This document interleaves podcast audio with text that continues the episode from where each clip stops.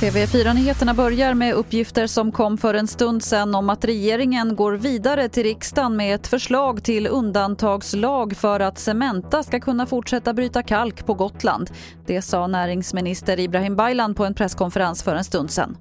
Förslagen i den här propositionen de syftar till att möta en allvarlig situation.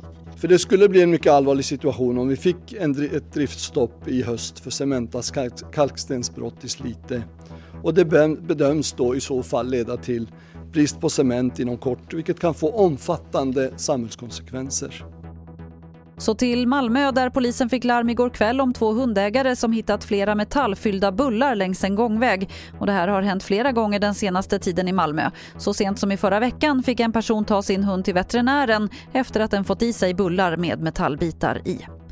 Att dricka alkohol på vardagar verkar ses som allt mer okej. Okay. Det här visar en ny studie från IQ-initiativet. Hälften av svenskarna tycker att det är okej okay att ta ett glas vin eller två en vardag och det är en ökning med 10 procentenheter sedan 2015. Och en orsak tros vara coronapandemin, som att gränsen mellan vardag och helg blivit mer flytande när man jobbar hemma.